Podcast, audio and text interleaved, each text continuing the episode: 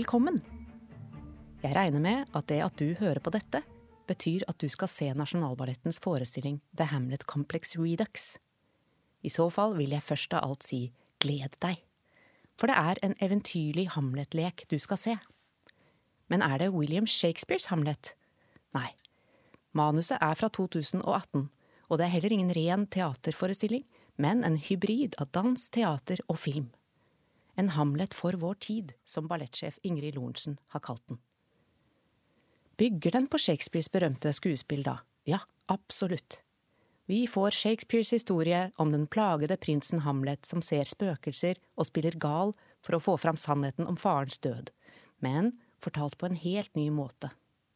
Allan Lucien Øyen har regissert, koreografert og skrevet manus til forestillingen, og opprinnelig kalte han den et kaleidoskop, et sånt lite optisk leketøy eller en speilkikkert som skaper speil på speil av det du retter den mot. Han beskrev prosessen som å knuse stykket i biter, hvorpå bitene snus og vendes på og settes sammen igjen. Resultatet er en fargerik assosiasjonslek og en omsorgsfull undersøkelse av Hamlet som myte og menneske, skrev Aftenpostens kritiker Maren Ørstavik. Og for å forstå mer av denne omsorgsfulle undersøkelsen og leken, La oss begynne med handlingen i Shakespeares skuespill. Vi er i Danmark, på slottet i Elsinor, en anglifisering av Helsingør. Kong Hamlet er død, og Hamlets mor, Gertrude, har giftet seg igjen kort tid etter at mannen døde, med kong Hamlets bror, altså prins Hamlets onkel Claudius. Dette liker prins Hamlet dårlig. Et spøkelse som påstår å være faren hans, viser seg for ham og sier han er blitt myrdet med gift av Claudius, og han ber Hamlet ta hevn. Hamlet næres av tvil, for å få fram sannheten spiller han gal. Og sånn møter han Ofelia, kjæresten hans, men nå er han avvisende og sier grove ting til henne. I et forsøk på å avsløre stefaren ber Hamlet en omreisende teatertrupp spille et skuespill der en konge blir forgiftet. Claudius forlater rommet under skuespillet, og Hamlet ser det som et tegn på skyld. Han snakker med sin mor og sier stygge ting til henne. Imens ser han noen spionere på dem bak et gardin. Han tror det er Claudius og stikker ham med kniv. Det er Ofelias far, Polonius. Ofelia blir gal av sorg og drukner, eller drukner seg. Broren hennes, Laertes, utfordrer Hamlet til fektekamp. Claudius overtaler Laertes til å forgifte sverdspissen, samtidig som han selv heller gift i begeret til den som vinner. Han vil forsikre seg om at Hamlet dør. Både Laertes og Hamlet blir drept. Hamlet rekker å drepe Claudius først, mens moren, Gertrude, drikker av det forgiftede begeret og dør, hun også. Hamlet er altså en fullverdig tragedie i fem akter. Det er Shakespeares lengste skuespill, og et av hans mest spilte, siterte og kommenterte verk. Og Allan Lucien Øyen har bevart de sentrale karakterene. Familieforholdene viser han oss ofte gjennom duetter, paddedøer, framfor dialog. Spøkelset etter kong Hamlet, The Ghost, har blitt til en slags dansende rød tråd. Han sier ingenting, men kaster lange skygger over handlingen. Vi møter også Horatio, Hamlets bestevenn, og vennene Rosenkrantz og Gildenstern, som hos Øyen har blitt italienske. Men i The Hamlet Complex blir vi også kjent med et medium, psykiateren Sigmund Freud, dronning Elisabeth den første, en gruppe barneskuespillere og Hollywood-skuespilleren Mel Gibson, om enn litt mer indirekte. Dessuten, det er tre Ofeliaer på scenen. Gertrude spilles både av en skuespiller og av en danser, og vi møter Hamlet i tre ulike aldre som en gutt som leter etter faren sin, en ungdom som vil lære seg skuespill, i tillegg til den voksne og fortvilte Hamlet. Husk at Allan Lucien Øyen opprinnelig kalte det Hamlet Complex et kaleidoskop. Denne tanken er bevart i rollegalleriet, der flere av Shakespeares opprinnelige karakterer mangedobler seg og får moderne eller dansende speilbilder.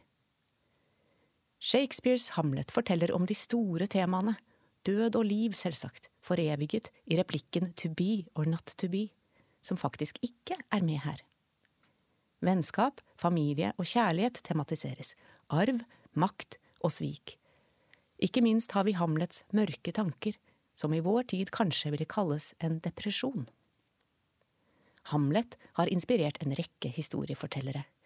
Disneys store suksess The Lion King, Løvenes konge, sies å være direkte inspirert av plottet om kongssønnen som finner faren sin drept. Men også motorsykkelserien Sons of Anarchy kan leses som en speiling av Hamlet, med hovedpersonen Jax som Hamlet selv, som kjører rundt med hodeskallen, det mest berømte symbolet fra Hamlet, på skinnjakka si. I tillegg har Hamlet blitt fortalt som tegneserie og funnet veien inn i sanger, bøker og andre skuespill. Allan Øyen og hans medmanusforfatter Andrew Whale har sett mange ulike Hamlet-oppsetninger, deriblant en sagnomsust tolkning som skuespilleren Richard Burton gjorde i New York i 1964, og den imiteres i stykket. Men i tillegg så Øyen og Whale seg om etter virkelighetens Hamlet-fortellinger. Sommeren 2018 jobbet Øyen med en gruppe unge dansere ved kunstsenteret Banff i Canada som et forprosjekt til oppsetningen. Han spurte danserne hva i ditt liv ligner på temaene i Hamlet? Sammen utviklet de nye tekstbiter til stykket. Å blande fiksjon og virkelighet har blitt en del av Øyens metode. I tillegg blander han dans og teater, historie og nåtid, og humor med blodig alvor. Han er ikke redd for de store følelsene, men søker å skape et ærlig og menneskelig uttrykk. Å skulle knuse Hamlet i biter og sette dem sammen på nytt skapte også frihet til å se stykket i nåtidas lys. Noe Øyen fant påfallende i Hamlet, er kvinnenes begrensede rolle. Gertrude og Ofelia er stykkets eneste kvinner, og begge er definert ut fra sin relasjon til menn. Gertrude presenteres i rolleoversikten som Hamlets mor, nå gift med Claudius, Ofelia presenteres som Polonius' datter, og hun huskes som Hamlets kjæreste. Der Ofelia blir gal, er Gertrude skildret som maktsyk og falsk. I The Hamlet-kompleks, derimot, får de to kvinnene større plass og en viktigere rolle. De utvikler også en egen relasjon. I en scene gir Gertrude Ofelia råd om hvordan hun skal komme seg unna det eller han som jager henne. I would suggest you keep running, roper den eldre kvinnen til den yngre. Løp før du går til grunne. Forestillingen inneholder også et oppgjør med kvinnehatt. For i sin leting etter virkelighetens Hamlet-historier fant øyene en tekst av Mel Gibson. Skuespilleren tolket rollen som Hamlet i sin storhetstid. Senere havnet han i søkelyset etter å ha trakassert ekskona i en rekke telefonsamtaler. Da Øyen og Whale fant disse samtalene, var det som å høre moderne versjoner av Hamlets verste replikker til Ofelia og moren. De anså samtalene som en del av metateksten som omgir Hamlet, og skrev dem inn i manus. Det gjør vondt å høre Gibson-sitatene, og Øyene har spurt seg om de virkelig vil bringe sånne utsagn videre. Samtidig finnes disse holdningene i virkeligheten, og i Hamlet står de kvinnebonde replikkene ubesvart. I Øyens versjon derimot får Gertrude svare på kvinnehatet i en replikk lånt fra Gibsons ekskone. I am not a whore, I am not a bitch, and I am not a cunt. I am none of those things.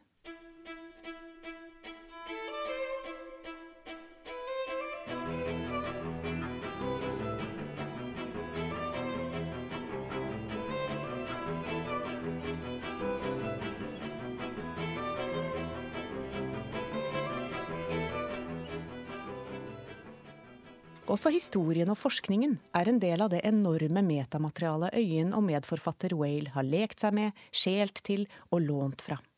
Sånn ble både Freud og dronning Elisabeth den første skrevet inn i psyke. Bare hør. Psykiateren Sigmund Freud var veldig opptatt av Shakespeare, og siterte ham ofte i sin utvikling av psykoanalysen. Da han utledet teorien om Ødipus-komplekset i 1931, var Hamlet et sentralt eksempel. Ødipus-komplekset er definert som en sønns forelskelse i moren, og inntreffer ifølge Freud i den såkalte falliske fasen, når gutten er mellom tre og seks år. Ifølge Freud vil gutten typisk ha moren for seg selv. Han finner farens nærvær forstyrrende, blir irritert når faren viser moren ømhet, og er fornøyd når faren ikke er til stede. Freud oppkalte komplekset etter myten om Ødipus, som mot sin viten og vilje dreper sin far og gifter seg med sin mor. Men ifølge Øyen kunne Freud like gjerne kalt fenomenet The Hamlet-kompleks, og det er selvsagt det forestillingstittelen spiller på. Og derfor er Freud med. I en scene drar den bekymrede Gertrude med seg sin motvillige unge sønn til den berømte psykiateren på Berggasset i Wien for å få terapi. Men Freud er så oppslukt av Hamlet at han knapt hører på henne. Elisabeth den første, da, hvorfor er hun med? Jo, Shakespeare skrev Hamlet mellom 1559 og 1601, før stykket antagelig ble oppført første gang i juli 1602. Da satt dronning Elisabeth ennå ved makten, noe hun gjorde til sin død i 1603. Elisabeth elsket teater og var Shakespeares støttespiller. Hvorvidt de to møttes, har lenge vært et tema for spekulasjon og ønsketenkning, ifølge leder av Shakespeare-instituttet i Birmingham, Michael Dobson. Shakespeare er den engelske kulturens far. Elisabeth er på en måte landsmoderen. Dermed er det mange som ønsker at de to kjente hverandre, sier han. I filmen Shakespeare in Love er dette ønsket bakt inn i den fiktive handlingen, da dronningen i hemmelighet overværer premieren på Romeo og Julie, og etterpå skrider fram på scenen for å prise master Shakespeare. At Elisabeth også kan ha rukket å se Hamlet rett før hun døde, var en mulighet altfor fristende til at Øyen og Whale kunne forbigå den. Her lar de den aldrende dronningen se en trupp av barneskuespillere framføre en lett variant av Hamlet, Ham Light. Shakespeare var påvirket av sin samtid da han skrev Hamlet, og rundt 1600 var den politiske situasjonen i England mildest talt usikker. Dronningen ville snart dø. I år 1600 ble hun 67 år, 20 år mer enn forventet levealder, og hun hadde ikke arvinger. At hun etter 45 år ved tronen nektet å utpeke en etterfølger, ble ansett som uansvarlig og skapte stor usikkerhet rundt hvem og hva som ville følge. Med Hamlet fanget dermed Shakespeare samtidas frykt for at riket skulle bryte sammen som en følge av uansvarlig lederskap og uklar arverekkefølge. I stykket overtar kongens bror tronen ved å gifte seg med dronningen. Mens han drikker og morer seg, går det rykter om at fremmede krefter vil utnytte den ustabile situasjonen og invadere landet. Også i The Hamlet Complex Redux hviskes det i gangene, stemningen er trykkende, ingen kan stole på hverandre. Det gjøres bruk av hele scenerommet, som er 40 meter dypt. Innenfor slike dimensjoner er mennesket lite. I andre scener møtes vi av den enorme sceneriggen i tre, signert scenograf Åsmund Færavåg. Og som om ikke det var nok, spiller dronningen sjakk med døden. Taper hun, dør hun. Og ingen kan jo overliste døden.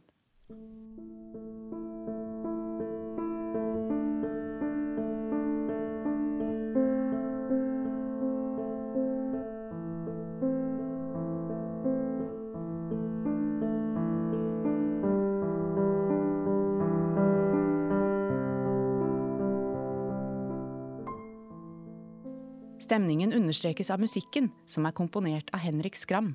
Det er filmatisk musikk, stor, ofte mollstemt og dramatisk, slik Allan Øyen ønsket seg den. Når jeg tenker på Hamlet, sier han, er det noen som står med hele universet hengende over seg, ganske lavt. Det er ødslig og goldt, men inneholder også romantikk og nostalgi, eller det jeg liker å kalle klangen av minner.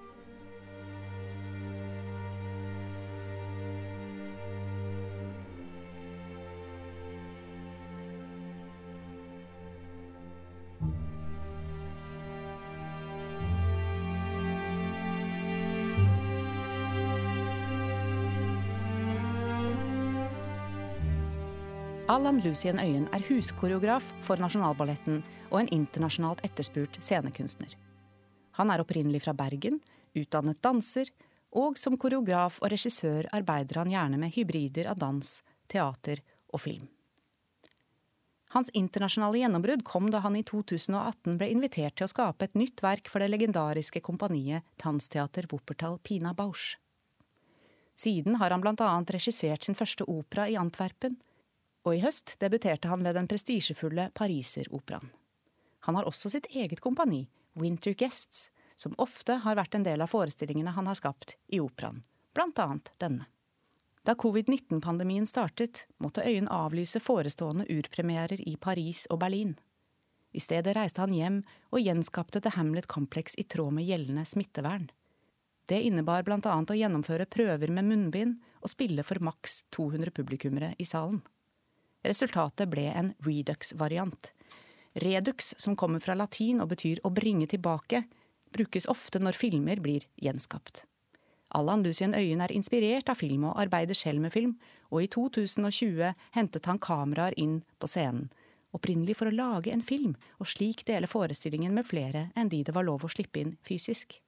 Men resultatet ble et kunstnerisk virkemiddel også for de i salen, der nærbilder av det som foregår på scenen, direktesendes til en skjerm publikum kan se.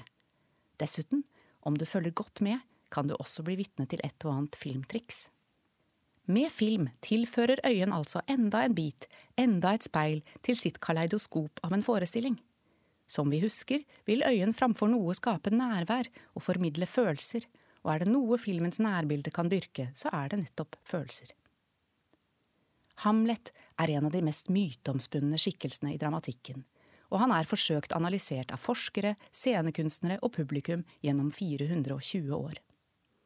Selve navnet lånte Shakespeare antagelig fra et dansk verk nedskrevet på 1200-tallet. Men i 2011 mente språkforskeren Lisa Collinson at navnet kan ha reist fra sagn til sagn i opptil 900 år. Fra Amlithi til Amlodi til Amlet med hån til slutt, før det altså endte opp som Hamlet med hån først. Og der ordet i sin opprinnelse antas å ha blitt brukt til å beskrive opprørt hav, er karakteren Hamlet så visst en opprørt sjel. Han finner aldri faren sin, og han finner aldri sjelsro. Men i The Hamlet Complex Redux er det egentlig Ofelia som får siste ord. Etter at hun har druknet, beskriver Ofelia verden fra sitt perspektiv under vann, og viser oss hvor vakker verden kan være, også når den er snudd på hodet. Kanskje kan ordene hennes ses som en slags trøst til den som skal dø, og i Hamlet dør de som kjent nesten alle sammen. Men veien fram dit er overveldende rik, vakker og brutal, til og med morsom, ifølge kritiker Elbjørg Skottvold. Jeg heter Maria Børja, og jeg ønsker deg en spennende helaften i Allan Lucien Øyens univers. Jeg håper du vil nyte dansen, dynamikken, scenerommet og musikken. Og du, takk for at du hørte på.